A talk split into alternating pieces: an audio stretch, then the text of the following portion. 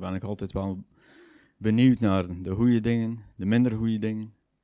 En uh, daarvoor zijn we gemeente. Daarvoor komen we samen ook om uh, onze levens te delen. Dat we voor elkaar ook op de bres kunnen staan. Dat we kunnen zijn voor elkaar. Dat we kunnen bidden voor elkaar. Uh, Adelheid ligt opnieuw in het ziekenhuis. Ze heeft epileptische aanvallen gehad. Hè. Zeer vrijdag. Laten we haar ook uh, alleen onze gebeden meenemen. Hè. Niet vergeten. Ik ga de dienst openen in gebed. Hemelse Vader, we prijzen u, Heere God. We prijzen u, Heere, voor, en we danken u voor het leven, Heer. We danken u, Heere, dat u het leven schenkt en het leven bent, Heer. We danken u, Heer, voor uh, het offer dat u bracht, Heer, aan het kruis, zodat wij konden leven, Heer. Dank u wel, Heer, dat u bij ons bent, met ons meeleeft, Heer. U bent overal bij, Heer. En bid, Heer, dat we dat meer en meer mogen beseffen ook, dat u erbij bent, Heer. Bij de goede dingen en bij de minder goede dingen. Dank u wel, Heer, dat uh, uw koninkrijk gevestigd wordt, Heer, hier in Eeklo.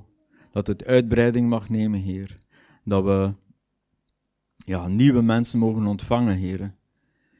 Er mogen zijn, Heer. Dank u wel, Heer, voor uw geest ook, Heer, die u geschonken hebt, die in ons leeft,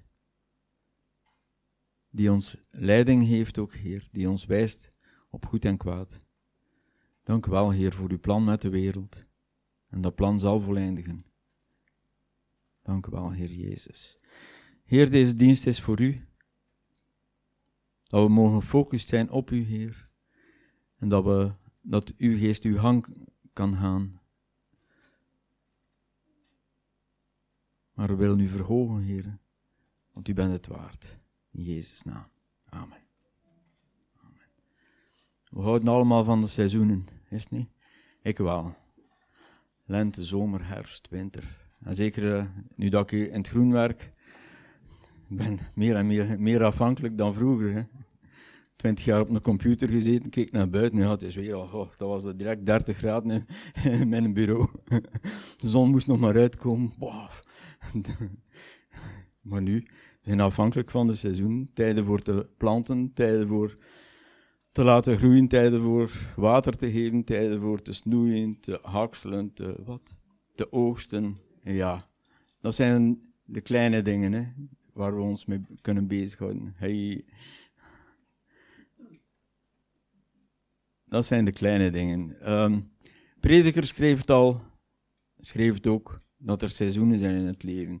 Alles heeft een tijd, zegt hij, prediker. En kan ik er lezen welke seizoenen dat prediker aanhaalt. Voor alles is er een vastgestelde tijd, schrijft hij. Een tijd voor elk voornemen onder de hemel. Een tijd om geboren te worden, een tijd om te sterven. Een tijd om te planten, een tijd om het geplante uit te trekken. Een tijd om te doden, een tijd om te genezen. Een tijd om af te breken en een tijd om op te bouwen. Een tijd om te huilen en een tijd om te lachen. Een tijd om rouw te bedrijven en een tijd om te huppelen. Een tijd om stenen weg te werpen en een tijd om stenen te verzamelen. Een tijd om te omhelzen en een tijd om zich ver te houden van omhelzen. Een tijd om te zoeken en een tijd om verloren te laten gaan. Een tijd om te bewaren en een tijd om weg te werpen. Een tijd om stuk te scheuren en een tijd om dicht te naaien. Een tijd om te zwijgen, een tijd om te spreken. Een tijd om lief te hebben, een tijd om te haten, een tijd van oorlog en een tijd van vrede. De seizoenen van ons leven. Ja. Waar we ook in zitten, waar we ook met de Heer doorgaan, waar we zijn we ja, in volle opwekking in ons leven? Of is het wat minder? De Heer is er altijd bij en als we voortdoen, doorzetten, dan leidt de Heer er ons doorheen. Ja, ook al gaan we door een diep dal, zegt de Heer, ik ben bij u. Ja. En hij zegt niet al blijven we in een diep dal, we gaan door een diep dal. Dat wil zeggen dat er ook een einde komt aan dat dal. En dat we mogen opgaan opnieuw. Maar we blijven onze vreugde vinden in de Heer. sterker staan in de Heer. Halleluja. We gaan de Heer verhogen. Ehm, ik ga straks de kinderdienst doen, dus ik ben hier direct weg. Dan geef ik de micro aan, Sabine. En gewoon voor te zeggen, het is aan Adelson. en dan gaat Adelson het woord brengen.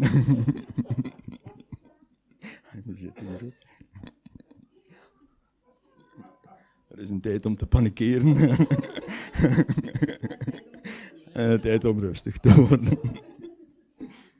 Kijk, de mededeling. Moet jij straks doen. Goed. We gaan de Heer verhogen. We gaan dan, ik ga dan een paar liederen de collecte zetten, maar de kinderen gaan nog niet weg. En dan ga ik eh, een lied van de kinderen laten horen. Eentje waar zij altijd achter vragen. Dus ik wil, kindjes, ik wil jullie horen straks. Oké? Ja. Oké, laten we recht staan. We vragen dat de heerlijkheid van God dit huis mag vullen. En toen de heerlijkheid van God de tempel vulde, de tempel die Salomo bouwde, kon er geen mens blijven rechtstaan. Want zijn, dat is de heerlijkheid van God, is zijn tastbare aanwezigheid. Geen mens kon blijven staan, iedereen moest buiten. De heerlijkheid van God vulde de tempel.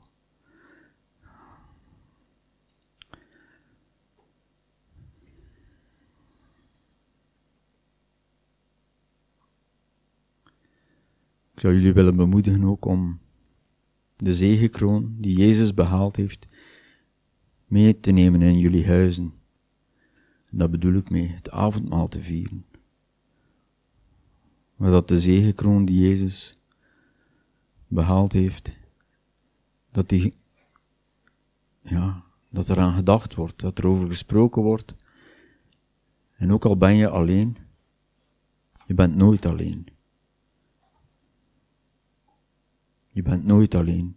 Je kan het avondmaal vieren met Jezus. En praten met Jezus. Kijk dat je tot de persoon spreekt. Hij is altijd bij jou.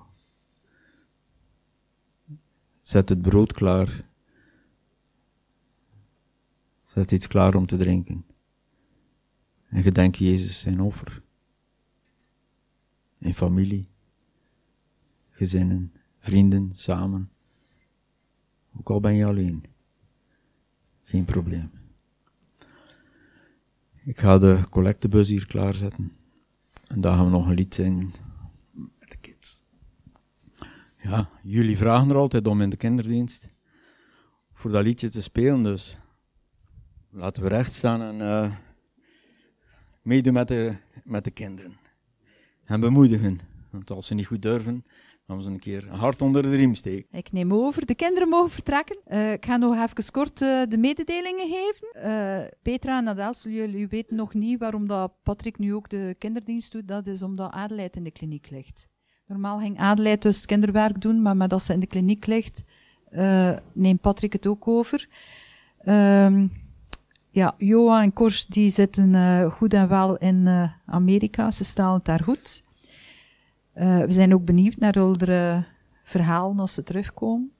Deze week zijn het connectgroepen. De mannengroep is uh, bij Ken thuis, dinsdagavond. En de vrouwengroep is uh, dinsdagnamiddag bij mij thuis. tegen half twee, zo. En bij, bij Kennis tegen half acht. en dan nog juist nog een keer herhalen, ook Martien de Zutter, die zit in het revalidatiecentrum in Kokzijde. En wie daar een kaartje stuurt of een balken geeft. Ik denk dat daar zal bemoedigen ook. Uh, voor de rest geef ik nu het woord aan Adelson. Goedemorgen. Hoeveel van u kent een hele mooie film en dat noemt Shrek? You have not watched Shrek yet? Heb je dat nog niet gezien? You should. Het is een kinderfilm. Remember, I think it's Shrek 1. And then... Er is Shrek 1. Shrek wil gaan en hij kijkt, voor, hij zoekt voor iets. En hij vraagt, wie komt er mee, wie komt er met mee? Remember? Then Herinnert je u? En niemand steekt zijn hand op. Niemand wil meegaan. En dan komt de ezel van van achter, ikke, ikke, ikke. En Shrek kijkt naar de andere kant en zegt, is er iemand die mee wilt met mij? En niemand reageert. En de, ezel, en de ezel blijft maar zeggen, ik wil mee, ik wil mee. En Shrek zegt, oh nee, wie is dat? En niemand geeft zich vrijwillig op. En dan zegt Shrek, oké, kom maar mee met mij. En de ezel was zo blij. En hij kent het rest van het verhaal. En als je de film niet kent, moet je de film zien. En hij heeft voor zoveel problemen gezorgd voor Shrek. En het was een hele moeilijke. Deze ochtend wil ik praten over een herderlijke boodschap. En als je hier de laatste keer was, heb ik gesproken over de drie en de ontmoeting van God met een zondaar. Onthoud je het nog? Wie was de zondaar? Hij heeft de boom ingeklommen, Zacchaeus. En hij was een rijke man en, was, en hij stool money, geld van anderen. En Jezus zei, kom naar beneden uit de boom en ik ga bij uw huis verblijven. Je onthoudt het verhaal wel. Maar eens je God ontmoet hebt, soms zijn we gelijk de ezel van Shrek, of ben ik het alleen? Soms denk ik dat God zo kijkt naar mij van, oh nee, wat hebben we hier? Maar soms ben ik ook hetzelfde van, hier, hier, hier, hier, hier, hier ben ik. En dan kijkt God misschien wel naar de andere kant, is er iemand anders. En dit verhaal van Shrek doet me denken aan het verhaal van Jezaja. Vraagt, wie zal ik sturen, wie zal ik zenden? Jezaja zegt, stuur mij, zend mij. We leven in een ingewikkelde wereld. Ik weet niet hoeveel van jullie het voorrecht hebben gehad, zoals wij, mijn vrouw en ik. Wij hebben vele culturen ontdekt en vele mensen ontmoet. Mensen van alle verschillende kleuren, alle verschillende mentaliteiten, sociale statussen, financiële statussen. Ik weet niet of dat weet, mijn vrouw en ik waren zendingen voor vele jaren. En we hadden vele mensen leren kennen. Soms hebben mijn vrouw en ik geslapen op de vloer in Afrika. En soms hebben mijn vrouw en ik in een hele mooie plaats geslapen met mensen die Mercedes hebben, dat je alleen maar in de tv ziet, in de film ziet. En we hebben vele mensen leren kennen, verschillende culturen. En het doet er niet toe waar we zijn hier in Europa of in het zuidelijke gedeelte van de wereld. Uh, sommige landen met ve- uh, meer of minder. Is een relatie die we hebben met elkaar. Hoe meer methodes we hebben om met mensen te verbinden over heel de wereld, hoe meer en meer afstand er komt tussen de mensen tussen ons, dichtbij. Denk niet dat ik zo oud ben. We hebben in de zending geweest voor 20 jaar. Toen we begonnen, toen schreven we nog brieven, soms zelfs met hand. En we stuurden het met per brief, per post, postzegel. En dan hadden we Skype. Dat was fantastisch. We konden een beetje beter communiceren. En dan kwam WhatsApp en al de rest en e-mail. En het was heel gemakkelijk om, om, om te communiceren met mijn familie in Brazilië. Of met vrienden in Afrika. Of in andere delen van de wereld. Maar de afstand tussen mensen wordt groter en groter. Uh, het hangt ervan af tegen wie dat je praat, waarom het gebeurt. Hier in Europa hoor je vaak mensen zeggen omdat we een humanistische cultuur zijn. We zijn te individualistisch. Daar is waarheid in, maar ik denk niet dat dat het enige is. Want als je naar Zuid-Amerika gaat, daar gebeurt dat ook. We waren vorig uh, jaar op vakantie in Brazilië. En ik was geboren in Manaus, het Amazonegebied. En we reden 120 kilometer naar een stad, Presencio de Guerrero. En ik moest een bank zoeken. En er kwam een man met een, op een moto. En ik, en ik riep, mijn vriend, alsjeblieft, kan je mij informatie geven? En de, de man op de motorbike kwam dicht tegen de auto en gaf informatie. En Efraim, onze kindjes waren van achter in de zetel. De auto. En Efraim zei, papa heeft veel vrienden. Want in Zuid-Amerika roepen, hé, hey, vriend, vriend, vriend. Kunnen mij helpen, kunnen mij helpen, vriend, vriend. Maar niemand is eigenlijk onze vriend. In de Belgische cultuur duurt het een tijdje tegen dat je vrienden bent. Maar als je vrienden bent, is het voor levenslang. Is dat niet waar? Voor velen van u. Als je echt, het duurt een tijdje tegen dat je echt op niveau van vriendschap. En deze ochtend wil ik praten over vier dingen. En dat is cruciaal voor mij om te weten. Om, en om de ander te kennen. Ik weet dat Nederlands een heel, heel particuliere taal is. In Engels ken je mensen en ken je plaatsen. Kennen en weten. Ja, weet je. Ja, er zijn twee woorden in het Nederlands en in het Engels enkel maar één woord. We zijn heel specifiek. Als je een relatie komt met mensen, vooral in de christelijke setting en een christelijke kerk, moeten we uh, meer aandacht schenken. Ik was een keer hier in België aan een tafel met, aan, aan het eten met mensen waar ik mee werk. En op een of andere manier kwamen op, op het onderwerp God. Ik was het niet begonnen. Want ze weten dat ik theologie heb gestudeerd, dat ik zendelingen was, dat ik voorganger was voor een tijdje. En de context was dat er, uh, dat er een meisje van zes maanden, van de zus van iemand waarmee ik werk, was gestorven in de dagopvang. Ze was daar voor zes maanden, ze voelde zich niet goed, ze hadden gebeld, ze ging naar het ziekenhuis en ze is gestorven. En een van de personen die, was, die aan tafel was, een vriendelijke man, ik ken hem goed. En hij was niet vriendelijk en hij zei, waarom bestaat God? Hoe kan God bestaan als hij een babytje laat sterven? Weet je, ik wist hoe dat ik hem kon antwoorden intellectueel. Maar ik weet dat we niet intellectueel moeten handelen met die mensen. Ik kon praten over de pijn waar mensen doorgaan, over het psychologische effect. Maar ik was aan het denken, waarom reageert hij zo? Ik bleef stil en ik zei, het is een heel ingewikkeld antwoord. Ik ga er niet. Een paar jaar later uh, heb ik ontdekt dat zijn broer was gestorven op een jonge leeftijd. En toen ik dat hoorde dat zijn broer was gestorven op een jonge leeftijd, dan bracht ik het in verband met zijn reactie. Zijn reactie was, stond in verband met zijn pijn. En daarom heeft hij geconcludeerd, God bestaat niet. Het is niet alleen hem, er zijn heel veel mensen die zeggen, als God liefde is, waarom is er zoveel pijn in de wereld? Waarom is er zoveel problemen in de wereld? Ik eh, hou van C.S. Lewis. Kennen jullie C.S. Lewis? Hij was een filosoof en een theoloog. Tijdens de Tweede Wereldoorlog in Engeland had hij een dagelijkse ehm, talkshow op de radio om mensen te bemoedigen. Hij heeft eh, zeer populaire boeken geschreven. Heb je gehoord van Narnia? Of de film? Dat is van, van Lewis. En C.S. Lewis zei, eh, mentale pijn is, is minder dramatisch dan fysische pijn. Het, is, eh, het komt meer voor, maar het is ook moeilijker om te dragen.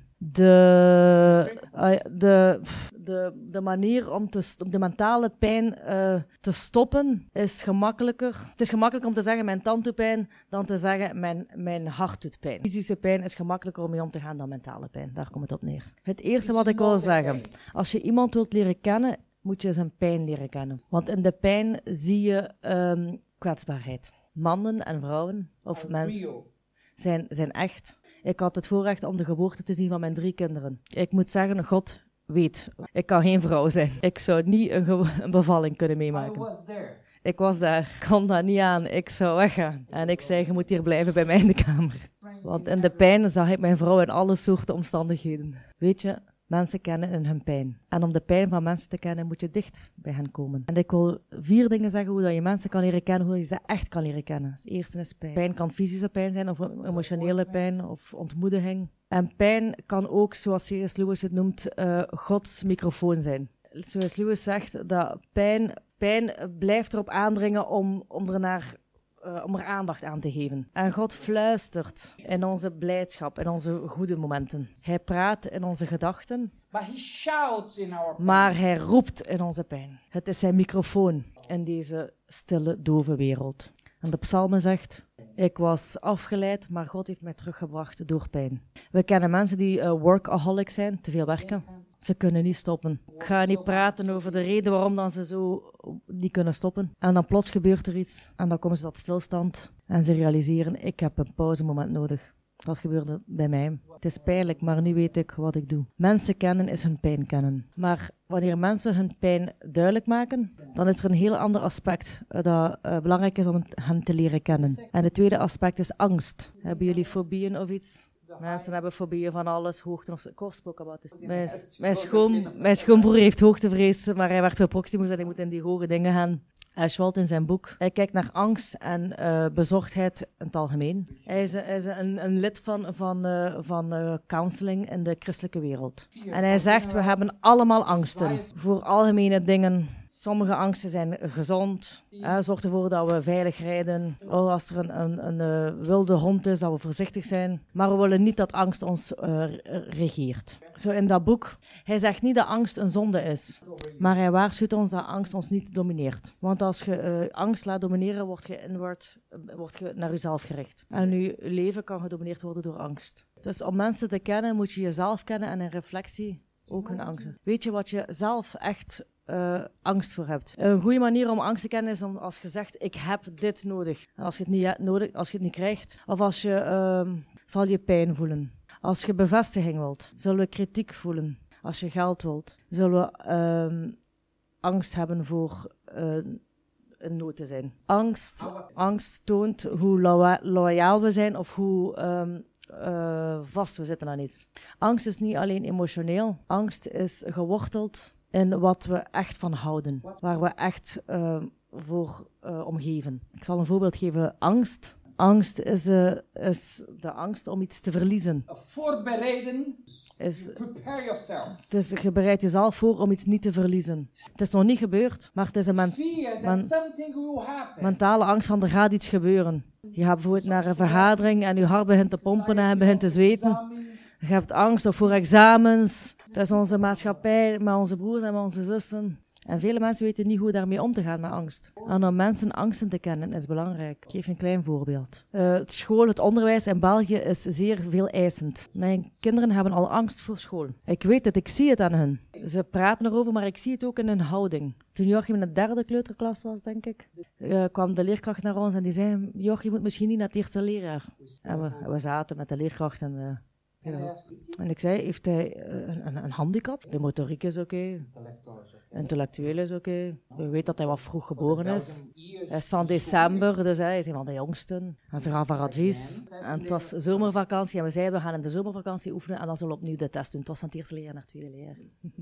En dat was een familie die samen moest werken tijdens die zomer. Opa, oma. Opa en oma even mee, maar huiswerk doen. En dan Joachim heeft opnieuw de test gedaan. En we kwamen in de gang, in de wegel, in de school. En toen Joachim onze stem hoorde, liep hij uit de klas. En ik was voor Adelsen. En hij passeerde mij en hij sprong in mijn armen. Joachim is een papa's kindje. Je, was je zag, de angst was weg. Hij was eh, ontspannen. De angst was weg. We moeten mensen kennen door angst. Het is gelijk een venster. Hoe dat mensen zich voelen. Hoe kunnen mensen helpen? Soms is gewoon luisteren naar mensen. Eh, toen, toen ik een jeugdvoorganger was, hebben we twee dingen nodig om met mensen om te gaan. En ik weet als je papa en mama zijn. Je hebt de bediening van luisteren nodig. Luisteren naar hen. En eh, een bediening van schouder. Want ze kunnen, ze kunnen erop leunen en, en huilen. Het is alles wat ze nodig hebben. Ken de mensen door hun pijn en ken de mensen door hun angst. You have to say how it ended with Joachim. Ah, you went well. So en nu is hij geëindigd met Joachim. Het is goed gegaan. Daarmee dat die angst zag. Hij is naar het tweede leren gegaan en we doen dat elke zomer opnieuw. er is nog een ander aspect dat een, als een venster is door, om mensen te leren kennen. Het is goed om mensen hun mogelijkheden te kennen. Hun natuurlijke mogelijkheden. Waar zijn ze goed in? We leven in een wereld waar dat geld praat. Het is, het is maar een, een, een, ehm, guess, een eh, schatting, maar als je aan 90% van de mensen, als je aan mensen vraagt waarom werken, 90% van de mensen zal zeggen voor het geld. Heb je dat al gehoord als je zegt, vind iets waar dat je van houdt, dan gaat je nooit meer werken. Want de meeste mensen zitten niet in het middelpunt van hun mogelijkheden. Ze doen iets omdat... Heb je al gehoord over de, de, de crisis van de man als ongeveer 40... Sommige mannen eh, kopen een Harley Davidson, een motor. Andere mannen starten een muziekbandje. Band. Woehoe! Een rock and roll band. Hoe noem je dat nu weer al Nederlands? De, midlife crisis. start. Andere mensen eh, beginnen te schilderen. Er zijn mannen die nooit doen wat ze willen, omdat ze niet kunnen. Ze zullen nooit functioneren in hun complete eh, mogelijkheden. Weet je wat ik zo fantastisch vind aan kerk? Kerk is een plaats waar we mensen hun mogelijkheden kunnen leren kennen. En, en in de christelijke kerken kunnen we elkaar de mogelijkheid geven om, om, in hun, om te functioneren in die mogelijkheid. En iemand die schildert. Iemand die schildert kan bijvoorbeeld een schilderij maken en die zeggen dat is van God en ik kan het misschien tentoonstellen en dan kunnen we praten over God. Wie houdt er van klassieke muziek? Weet je, het meeste van de klassieke muziek is eigenlijk van mensen die dat ge- ge- gemaakt hebben in aanbidding voor God. Luister naar de popmuziek van vandaag. Het is maar de half instrument en mensen zeggen vuile woorden achter elkaar en achter elkaar. Waar is de schoonheid? Waar is de mogelijkheid van de mens? Wat zijn uw mogelijkheden? Kan je iemand vreugdevol zien? Iemand blij zien? Kijk naar uw man, uw vrouw, uw kinderen observeren wanneer ze in een element zijn. Wanneer ze dingen doen die ze graag doen. Ik zie bijvoorbeeld mijn schoonmoeder in de tuin werken. Dat ben ik niet, want ik ben geboren in de Amazone, maar ze zit dan helemaal in haar element. Om mensen te leren kennen, moet je hun mogelijkheden leren kennen. Niet alleen uw mogelijkheden, maar de godsgegeven talenten. Het doet me herinneren aan David toen hij ging vechten. En David was een jonge man. Ze praten over David uit de Bijbel. En er was een oorlog. En David was nog een jonge man, rond 17 jaar oud. En David hoorde iets en hij zei: Wie is die man die de God van Israël bevloekt? En David die zegt: Ik ga die man eh, tegenaan gaan. Het was een reus. Hebt u het al ingebeeld? Een jonge gast, een aarderken van 17 jaar.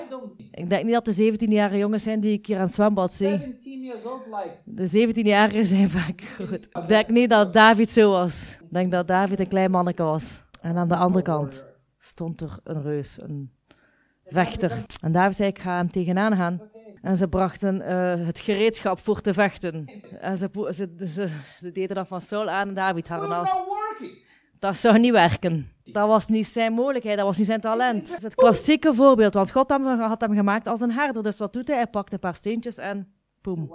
Hij was in zijn element, in zijn talent, in zijn mogelijkheid. Hij was in zijn element. Hij was in zijn talent. Leer mensen hun talenten, hun mogelijkheden. En talenten geeft ehm, eh, is het begin van iets heel speciaals. En een ander venster om iemand te leren kennen is hun dromen leren kennen. Droom jij? Ik praat niet over wanneer dat je slaapt. Ik praat over wanneer dat je wakker bent. Iedere keer als ik praat over dromen, eh, denk, kijk ik naar de mensen en hun kindertijd.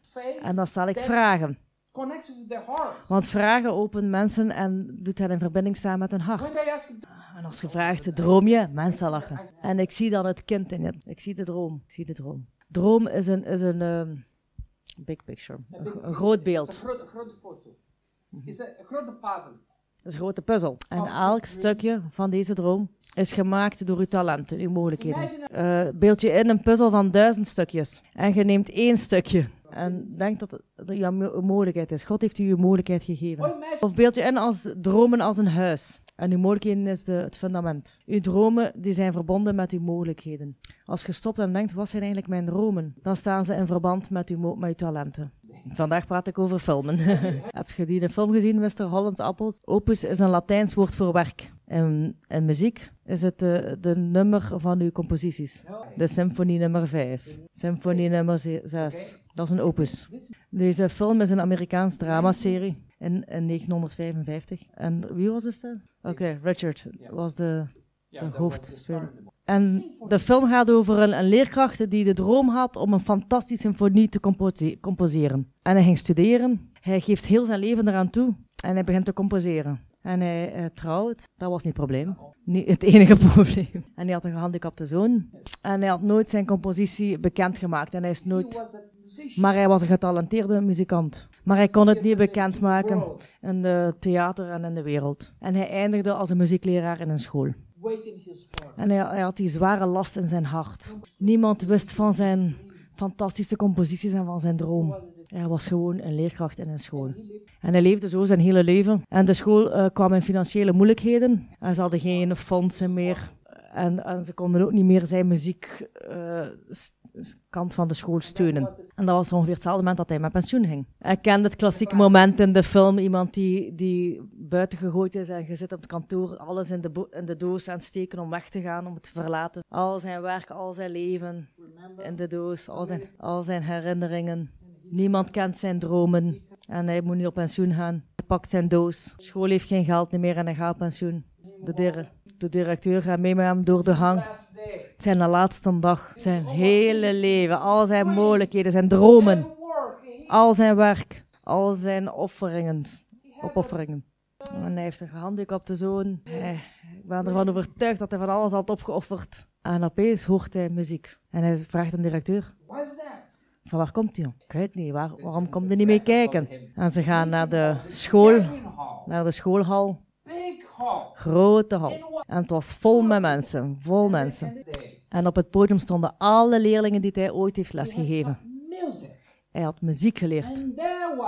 Doctors, lawyers, En daar stonden dokters, advocaten en zelfs de burgemeester. En we waren ze aan het spelen zijn stukje muziek. Het einde van de dag was hij Magnus Opus. Het was niet een wereldbekende symfonie, maar zijn Magnus Opus was een mens waarin hij geïnvesteerd heeft. Zijn droom was waar geworden. Zijn droom was waar geworden. Eh, je kan mensen leren kennen door hun dromen. In het boek Nehemia, eh, wanneer de hele stad was eh, verwoest, en Nehemia wil komen om de muren herop te bouwen. En hij zegt in het boek Nehemia, God eh, plaatst in mijn hart om de mensen samen te brengen. Om niet alleen de muur, maar om de stad te herbouwen. Om anderen te leren kennen, om mensen te kennen, hun pijn kennen, hun angsten, hun mogelijkheden en hun dromen. En, en als een christelijke kerk, als je dat doet, als je mensen leert kennen, kunnen ook identificeren of zoals Jezus worden. In Johannes hoofdstuk 15, vers 15 zegt Jezus tegen zijn discipelen, weet je wat dat Jezus zei? Ik noem je niet langer wat? Ik noem je niet langer meer slaven, maar vrienden. Ik noem je vrienden.